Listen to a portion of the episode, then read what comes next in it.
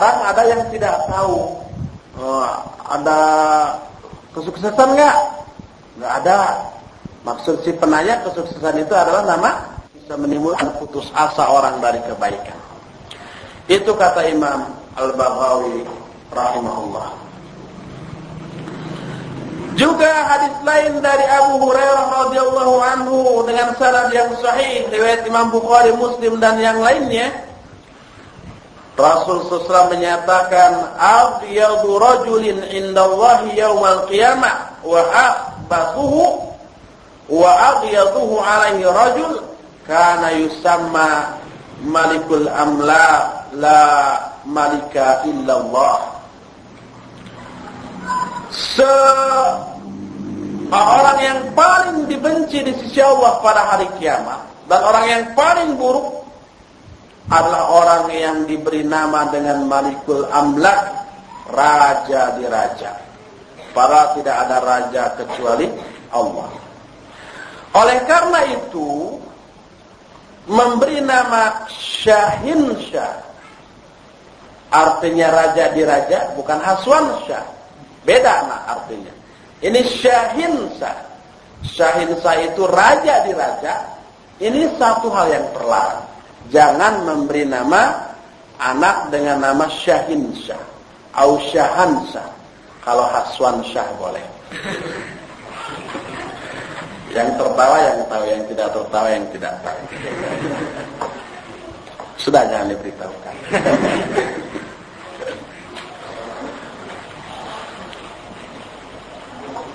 Ini termasuk menyembunyikan ilmu. Haswan Syah itu nama saya. Tapi nama artinya bukan raja di raja. Has itu singkatan dari bapak saya Hasan Din. Wan itu singkatan dari ibu saya namanya Waningsih. Sah itu dalam arti sah. Sah gitu. Kalau syahan sah yang dimaksud terlarang adalah maksudnya raja di raja. Jadi beda kan artinya? Jadi boleh. Dan ini pernah dipermasalahkan oleh Syekh di daurah tertentu. Ismuka Syahin Syah? Kata dia. La, la. Ana Haswan Syah. Mal farq bainahuma dia bilang. Apa perbedaannya? Hu farq kabir ya Syekh. Saya bilang. Mal farq? Saya jelaskan. Amma Haswan Syah ada qasar min ismi abi wa ismi ummi wa bima'na wasa bima'na sahih. Amma syahamsa huwa malikul amla. Wa hunaka farkun kabir. Saddaqta wa sabda dia bilang engkau benar kalau begitu. Jadi boleh enggak apa-apa. Asal maknanya tidak demikian. Ada satu peringatan beredar satu isa satu gosip Nah, bukan gosip. Pendapat di kalangan orang awam bahwa pada hari kiamat setiap orang akan dipanggil dengan nama ibunya. Anggapan ini batil. Yang menjadi sandaran adalah sebuah hadis dari Abu Umamah yang dikeluarkan oleh Imam At-Tabrani dalam kitab Mu'jamnya. Dari hadis Said bin Abdullah Al-Awadi dia berkata syahidtu Aba Umamah wa huwa fil naza. Qala idza mut idza mittu fasna'u bi kama amarana Rasulullah sallallahu alaihi wasallam. Faqala idza mata ahadun min ikhwanikum fasawaitum turab ala qabri falyakum ahadukum ala ra'si qabri ثم ليقول يا فلان bin fulana fa innahu yaqul arsyidna rahimakallah yang menjadi sandaran yang dipegang oleh orang yang berpendapat bahwa di hari kiamat setiap orang akan dipanggil dengan nama ibunya adalah sebuah hadis Said bin Abdullah. Kata Said bin Abdullah, aku menyaksikan Abu Umamah suatu saat debat. Lalu Abu Umamah mengatakan, kalau aku mati, maka lakukanlah terhadap diriku sebagaimana yang diperintahkanlah Rasul sallam. Karena Rasulullah berkata, apabila salah seorang di antara saudaramu mati, maka ratakanlah tanah di atas kuburnya.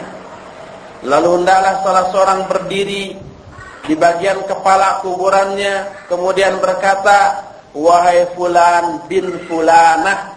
Bin fulanah berarti ibunya. Ya. Maka sungguhnya dia akan berkata, Arsyidna rahimakallah. Berilah aku kami petunjuk wahai saudaraku yang dirahmati oleh Allah. Ini hadis. Tapi hadis ini batil dari dua segi. Pertama, hadis ini disepakati kedaifannya oleh para ulama.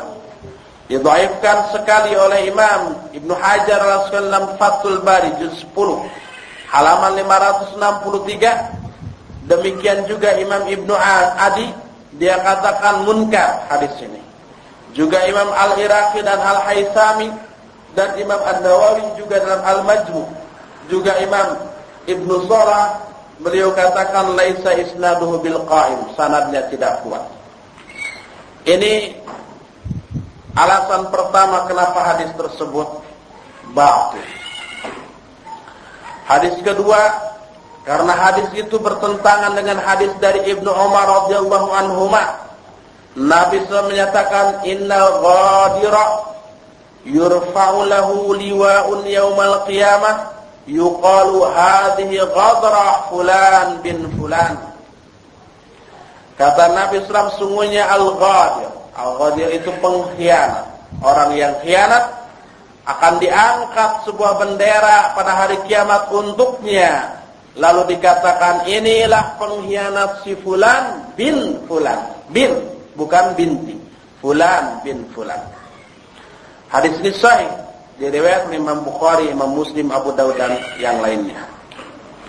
Berkata Ibnu Battal, "Fi hadzal hadis raddun liqauli man za'ama annahum la yud'auna yaumal qiyamah illa bi ummahatiha satran ala abaihim. Illa bi ummahatihim satran bi ala abaihim. Kata Ibnu Battal, di dalam hadis ini terhadap bantahan terhadap pendapat yang menyatakan bahwa ayat terhadap pendapat yang menganggap bahwa mereka tidak akan dipanggil pada hari kiamat kecuali dengan nama ibu-ibunya sebagai pengganti atau penutup dari nama bapak-bapaknya. Inilah hal yang kesekian yaitu memberi nama dengan nama yang baik yang disunahkan dan tidak boleh memberi nama dengan nama yang dimakruhkan apalagi dilarang. Boleh pula memberi kunyah kepada si anak dan ini sesuai dengan sunnah sekalipun masih anak kecil jangankan uh, sudah punya anak baru anak-anak kan Memberi kunyah itu artinya disebut bapak. Ah itulah. Dan ini banyak. Baik ini berlaku bagi yang sudah punya anak ataupun yang belum punya anak. Seperti nama Abu Haidar. Ini kunyah. Dinisbatkan kepada anaknya Haidar. Abu Faisal. Ini juga kunyah.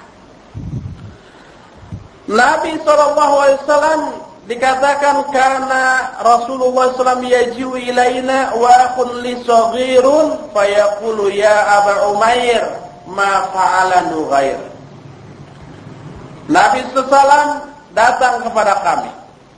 Waktu itu ada saudara saya yang masih kecil lalu Nabi memanggil saudaraku yang masih kecil masih anak-anak ya Aba Umair ma fa'ala nughair wahai Abu Umair. Disebut Abu Umayyah artinya bapaknya Umayyah padahal dia masih anak-anak belum punya anak. Masih anak-anak. Nikah aja belum malah mungkin belum tahu apa yang namanya nikah. Apa yang di, ya apa yang dilakukan oleh Nugair Nugair itu burung kecil peliharaan Abu Nuair uh, Abu Umair ini dan burungnya itu sudah mati ini menunjukkan bahwa boleh memberi kunyah kepada si anak walaupun atau kepada seseorang walaupun belum mempunyai anak.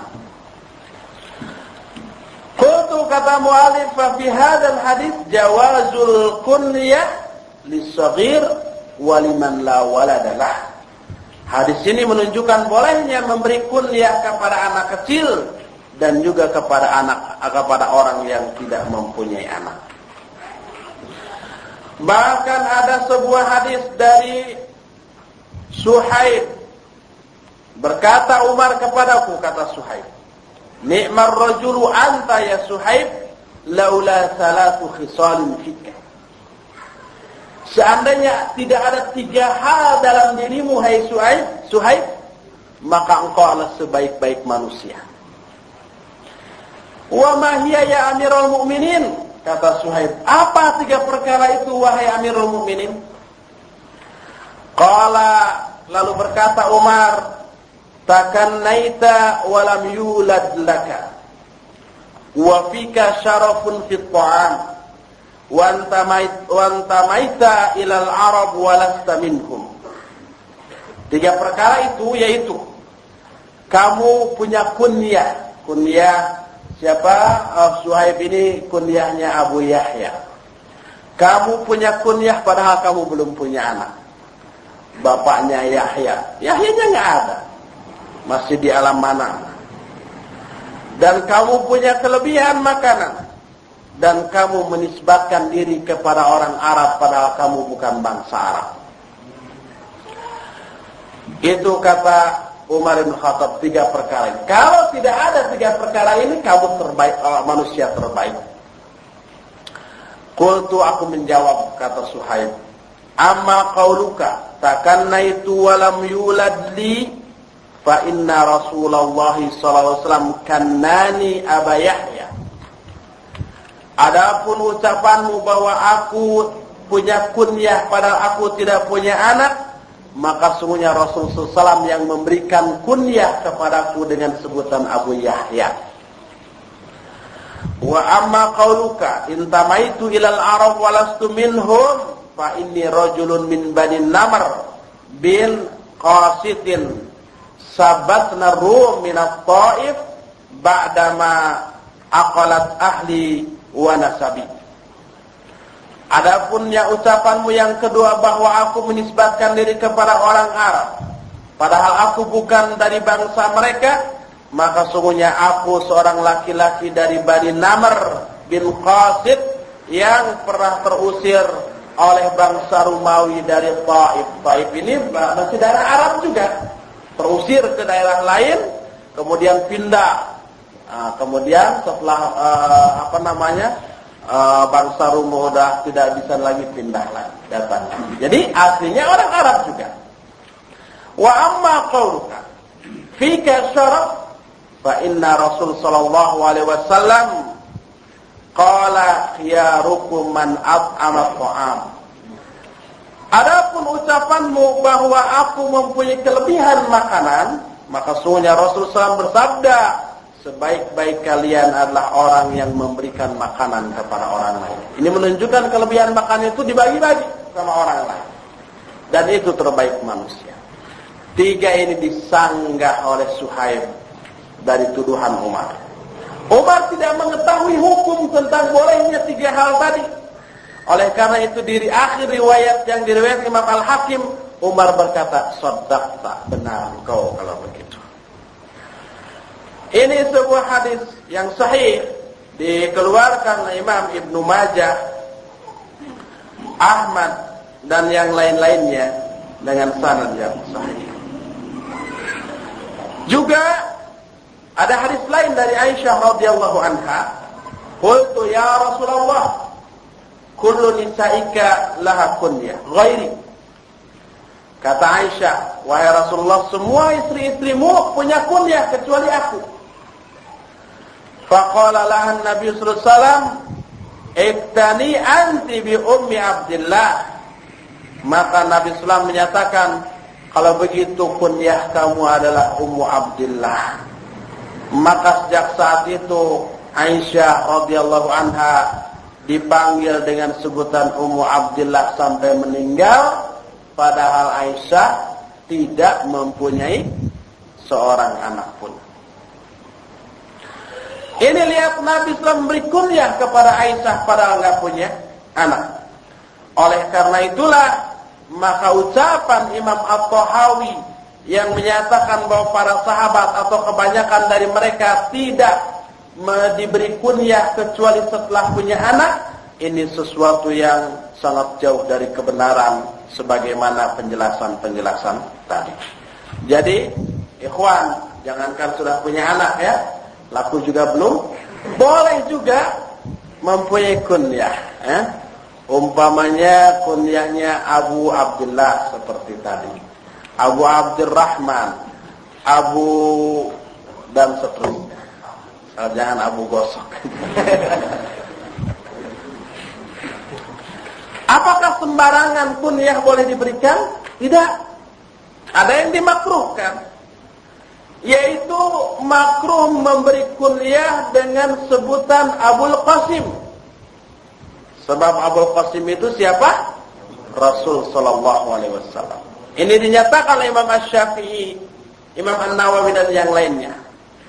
Kata Ibnu Abi Jamrah, al-akhdu bihada abra'u lidhimmah wa 'azamu lil hurmah wa umdatuhum fi dhalik hadits Abi Hurairah radhiyallahu anhu marfu'an tasammu bi ismi wa la takannu kata Abu Abi Jamrah bahwa mengambil ini ya mengambil apa larangan tadi tidak memberi kunyah dengan sebutan Abul Qasim itu lebih selamat dan lebih terhormat. Yang menjadi sandaran adalah sebuah hadis Abu Hurairah yang menyatakan bahwa Rasulullah SAW bersabda, namailah anak-anak kalian dengan namaku, tapi jangan diberi kunyah dengan kunyahku. Hadis ini sahih. Sudah selesai? Kata Al-Baghawi, Al-hadis fil nahyil mutlak asah bahwa hadis-hadis tentang larangan memberi kunyah dengan Abul Qasim itu mutlak itu yang lebih sahih. Oleh karena itu ada sebuah kitab yang disusun oleh penulis yang sama dengan judul Al-Qaulul Jazim fi karahatit takalli bi Abil Qasim. Pendapat yang pasti tentang makruhnya memberi kunyah dengan sebutan Abul Qasim. Inilah yaitu memberi kunyah boleh ya sekalipun nggak belum punya anak. Hal berikutnya boleh juga, ah, boleh juga. Yang harus dilakukan terhadap anak-anak adalah mengkhitan. Khitan ini sesuatu yang disebut fitrah dan hukumnya wajib menurut pendapat yang lebih rajih. Seperti pendapat Imam Malik, Asy-Syafi'i, Ahmad dan Al-Auza'i. Sampai-sampai Imam Ahmad bin Hambal menyatakan, "La tu'kalu dhabihatul aqla wala salatu wala salata lahu wala hajjalah hatta yatatahhara fahuwa min tamamil Islam."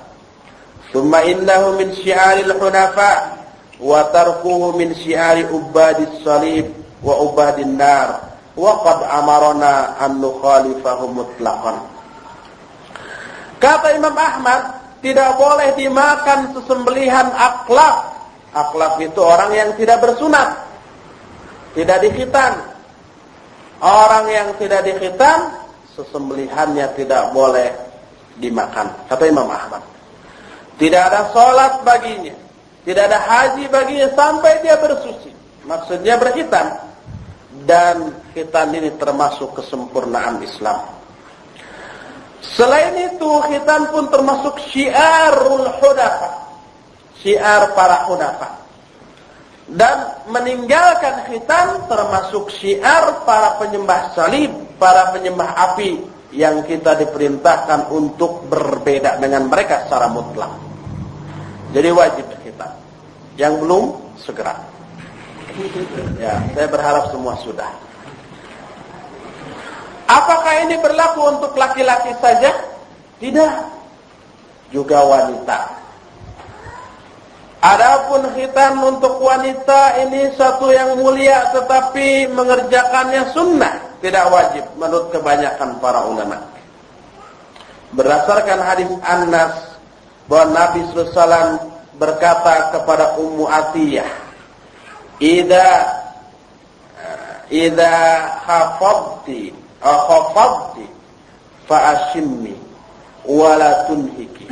Fa innahu asra lil wajh wa afdalil farj alizawj afdal lizawj apabila kamu menghitan menghitan perempuan fafadhal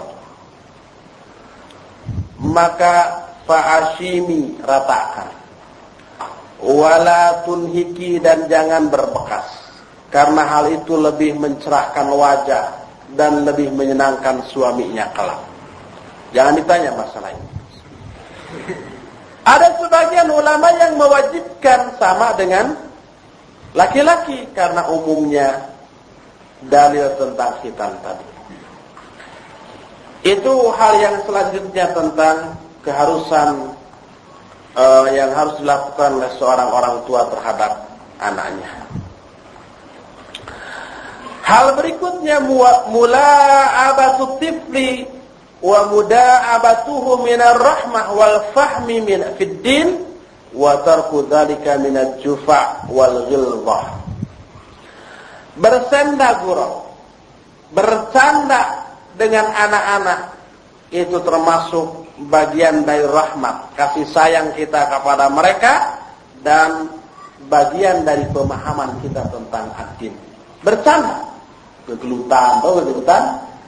Berantem beranteman gitu. Peperangan, tanda apa-apa. Atau main kucing-kucingan, balap. Itu yang bisa mendekatkan hubungan kita dengan anak-anak. Dan meninggalkannya artinya tidak bersenda guru, tidak bercanda, tidak main-main sama anak itu jufa dan gelwah. Sikap keras, kasar, sadis. Apa namanya? Kalau kata orang sini namanya garung. Garung itu Garung, garak, garak. Garak. Sebuah hadis dari Abu Hurairah radhiyallahu anhu. Qabbala Rasulullah sallallahu alaihi wasallam Al-Hasan bin Ali wa indahu Al-Aqra bin Habis At-Tamimi. Jalisun. Faqala Al-Aqra inna li asyratan minal walad ma qabbaltu minhum ahadan. Fanadhara ilaihi Rasulullah SAW wa qala ma la yarhamu la yurham. Kata Abu Hurairah, Rasulullah SAW mencium Hasan bin Ali. Di sisinya saat itu ada orang namanya Aqra bin Habis At-Tamimi sedang duduk. Kata Aqra, saya mempunyai sepuluh anak, tapi nggak pernah saya cium mereka seorang pun. Kasar benar ini orang.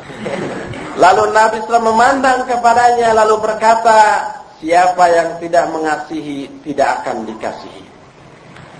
Hadis ini sahih riwayat Imam Bukhari, Muslim, Abu Dawud dan yang lainnya. Hadis lain dari Aisyah radhiyallahu anha, jaa Arabiyun ila Nabi sallallahu alaihi wasallam faqala tuqabbiluna sibyan fama nuqabbiluhum Faqala an-nabiy sallallahu alaihi wasallam, "Aw amliku laka an naza'allahu rahmah min qalbik?" Kata Aisyah, datang orang-orang Arab kepada Rasul sallam lalu berkata, "Engkau mencium anak-anak, sedangkan kami tidak pernah mencium mereka." Kata Nabi sallam, "Aku tidak mempunyai ke, kekuasaan atasmu apabila Allah mencabut rahmat dari hatimu, mencabut rasa kasih sayang dari hatimu. Hadis ini pun sahih riwayat Imam Bukhari Muslim dan yang lainnya.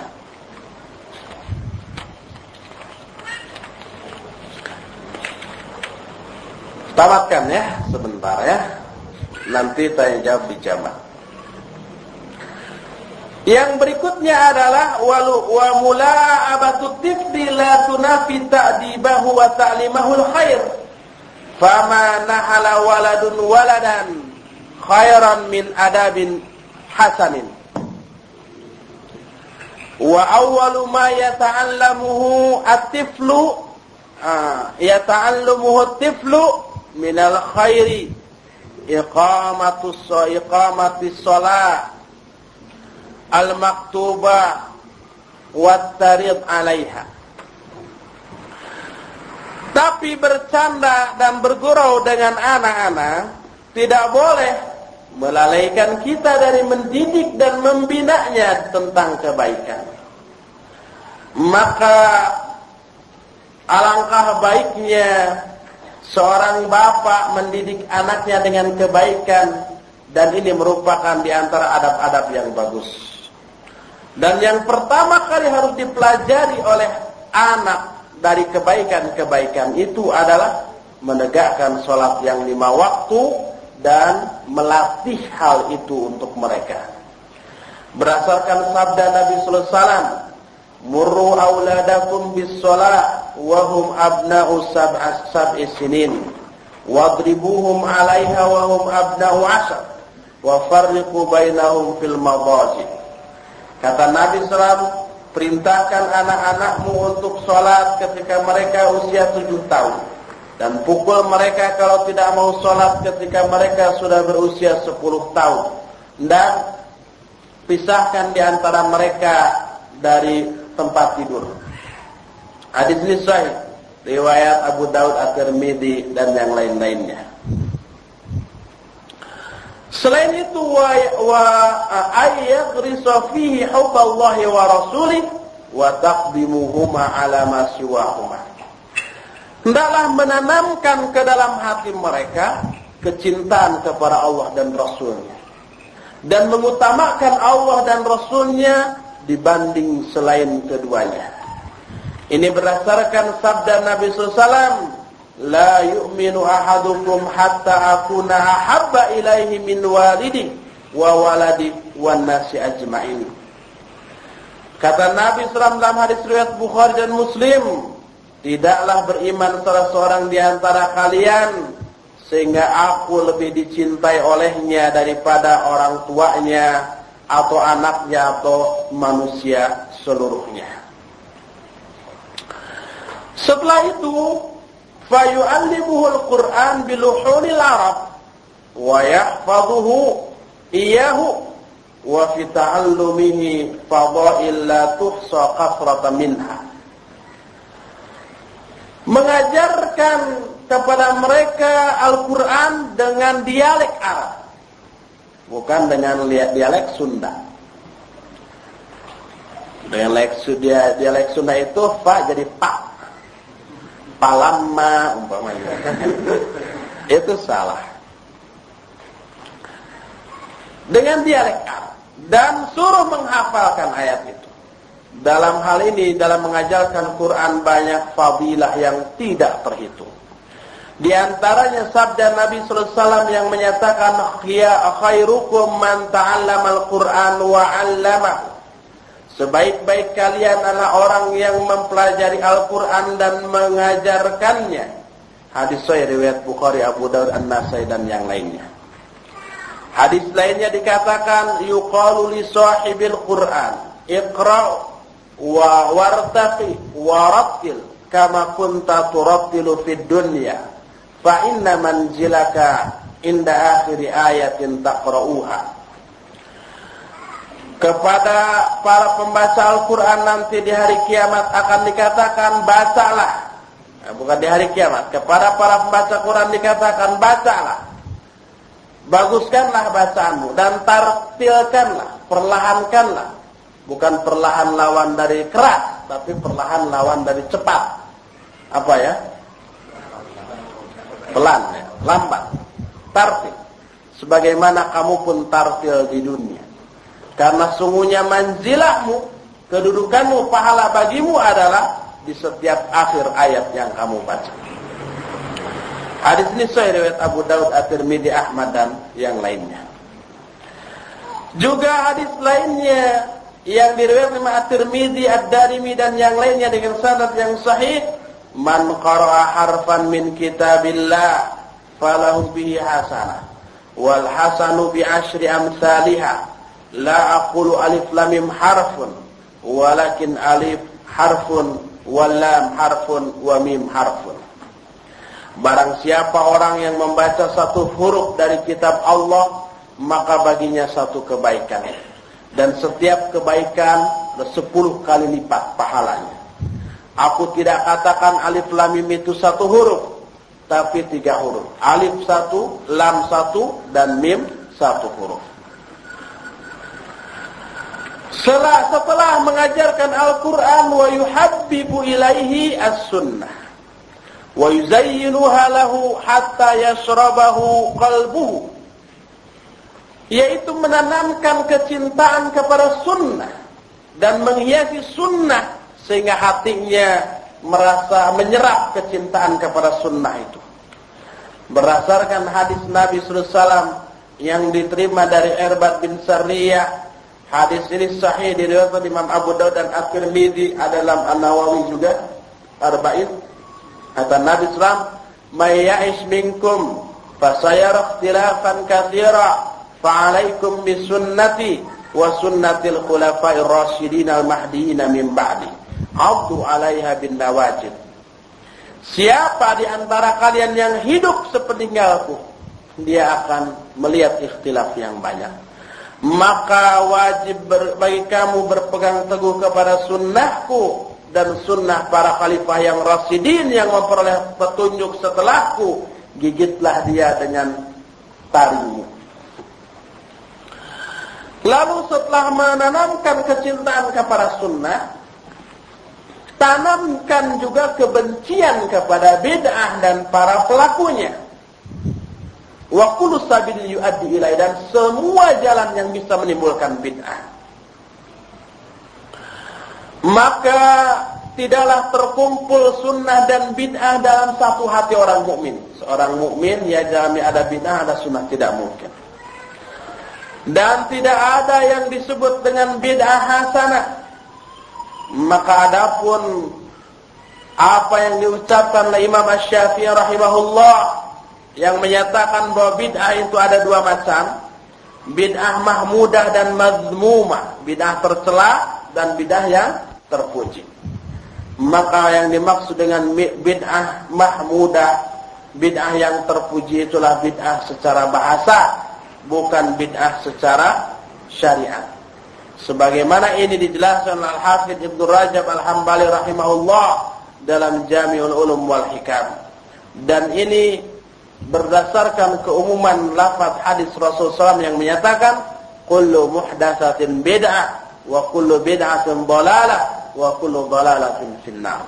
Semua yang diada-adakan bid'ah, semua bid'ah sesat dan semua sesat di neraka.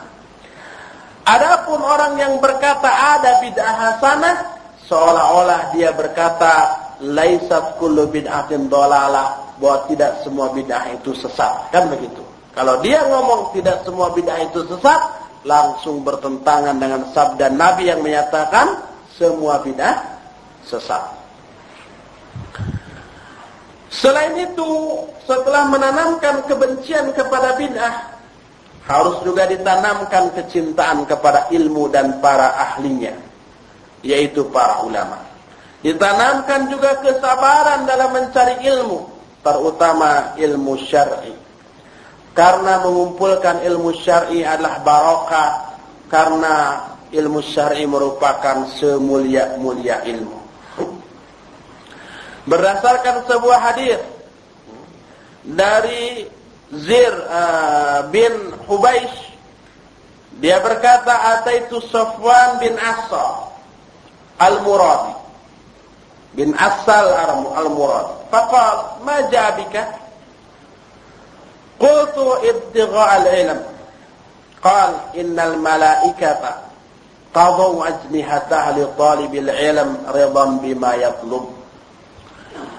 Aku datang kepada Sofwan bin Asal al-Muradi Sofwan bin Asal ini yang datang kepada Abu Darda di Damaskus seperti yang saya jelaskan pada pembukaan daurah. Lalu Sofwan bertanya, apa yang membuat kamu datang? Aku menjawab, mencari ilmu. Lalu dia berkata, sungguhnya para malaikat meletakkan sayap-sayapnya untuk orang yang mencari ilmu karena ridho dengan apa yang mereka cari. Hadis tentang keutamaan ilmu dan mempelajarinya itu sangat banyak daripada yang bisa dihitung. Dan bukan di sini tempatnya untuk membeberkan masalah ini. Yang terakhir, kewajiban orang tua kepada anak adalah wal adlu bainal aulad fardun 'alal ad wa tamyizu bainahum fit tajarri ala hududillah wa intihaki hurmati dini. Yang terakhir adalah harus berbuat adil kepada anak-anak dan ini merupakan kewajiban orang tua. Jangan pilih kasih. Si bungsu lebih dipika, lebih di, dicintai daripada si sulung. Yang tengah lebih diberi uang lebih daripada yang se, yang lainnya padahal kebutuhannya sama. Ini tidak adil namanya. Maka adil terhadap anak-anak juga sesuatu yang wajib. Nabi SAW menyatakan i'dilu baina abnaikum. I'dilu baina abnaikum. I'dilu baina abnaikum. Tiga kali Nabi SAW menyatakan. Berbuat adilah kalian di antara anak-anak kalian. Berbuat adilah kalian di antara anak-anak kalian. Dan seterusnya. Hadis ini sahih riwayat Abu Daud An-Nasi Ahmad dan yang lainnya. Selesai sudah bagaimana cara memperlakukan anak sejak mulai lahir sampai besar dan seterusnya dan dengan selesainya pembahasan ini selesai pula seluruh pembahasan kitab Al-Insyirah fi Adabi Nikah ini. Dengan demikian saya berharap kita ikhwan dan akhwat bisa meraih manfaat yang besar tentang masalah ini. Insyaallah nanti malam dikhususkan untuk tanya jawab tentang masalah-masalah tadi ya. Nah, sebab dimungkinkan sekarang ini tidak akan cukup untuk menjawab pertanyaan yang ada. Bisakah mengganti nama yang diberikan kepada orang tua apa dengan memberitahu orang? Bisakah mengganti nama yang diberitahukan yang diberikan kepada orang tua? Nama yang diberikan kepada orang tua. Apa dengan memberitahu orang? Sekarang ya kita bisa ya, hanya kita di sini terbentur dengan masalah administrasi. Di KTP, di akte, di ijazah, di raport itu sangat berpengaruh. Kalau setelah segede ini diganti, asalnya umpamanya ada nama Dalimin. Dalimin di sini orang Sunda. Itu mungkin dari Zolimin ya. diganti yang jadi masalah di rapotnya sudah tertulis dalili, ya. Di surat nikahnya sudah terus. Kalau mau dia mau keluar negeri nggak bisa. Tapi untuk panggilan sehari-hari boleh, ya. Seperti di sini ada anak wanita namanya Martini. Martini itu kan merek sebuah minuman keras. Datang orang tuanya ke saya, gimana? Saya bilang ganti. Tapi kan sudah dicatatnya apa-apa ini panggilan sehari-hari. Apa namanya? Afifah saja sudah. Jadi Afifah sekarang. Nah, dalam panggilan sehari-hari boleh, ya. Dan kalau bisa diganti sejak eh, ijazah TK sampai ijazah sarjana di KTP semua ganti lebih bagus di akte-akte. Dosakah bila memanggil orang dengan sebutan misalnya si botak, si orang utan dengan maksud bercanda? Iya dosa, nggak boleh. Dalam hadis dalam ayat dikatakan di dalam surah Al-Hujurat ayat yang ke-11 la yaskhar qaumum min qaumin asa yakunu khairum. Itu sukhriyah. Itu hinaan celaan. Terus wala talmizu bil alqab. Jangan memanggil dengan gelar-gelar buruk. Si botak, si orang utan dan seterusnya. Enggak boleh nama resmi saya dari mulai surat kelahiran sampai ijazah dan KTP adalah Asroh. Kalau saya telah Asroh dalam bahasa Arab tidak ada artinya. Maka dalam bahasa gaul saya cenderung memakai kata Asroh yang artinya kurang lebih yang memperjalankan hamba di malam hari. Oh, itu Allah berarti dong. Menurut Pak Ustadz sebaiknya nama saya itu ditambah apa supaya bagus dan keren. Didengar, tapi tetap mengandung doa yang baik. Asro juga jangan. Kalau asro artinya bukan yang memperjalankan pada malam hari. Tapi uh, keilmadi. Asro itu telah menjalankan pada malam hari. Seperti subhanalladzi asra bi'abdi. Maksudnya Allah yang telah memperjalankan hambanya pada malam hari. Asra itu fi'il madi atau apa? Uh, apa? Kata kerja. Bukan kata benda. Kalau mau jangan asro.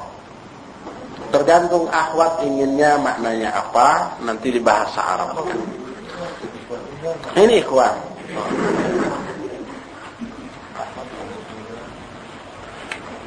Ini ada lagi. Jika ada pasangan suami istri yang bertengkar, lalu sepakat keduanya untuk pisah ranjang, maka bolehkah jika si suami memutuskan untuk tidur di kolong ranjang?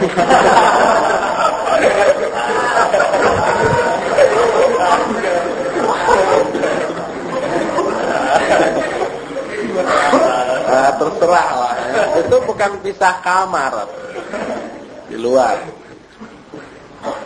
Setelah jima di ranjang, lantas suami istri berwudu atau mandi di kamar mandi. Bagaimana jika dalam mandi bersama ini si suami memutuskan untuk melanjutkan jima di kamar mandi itu?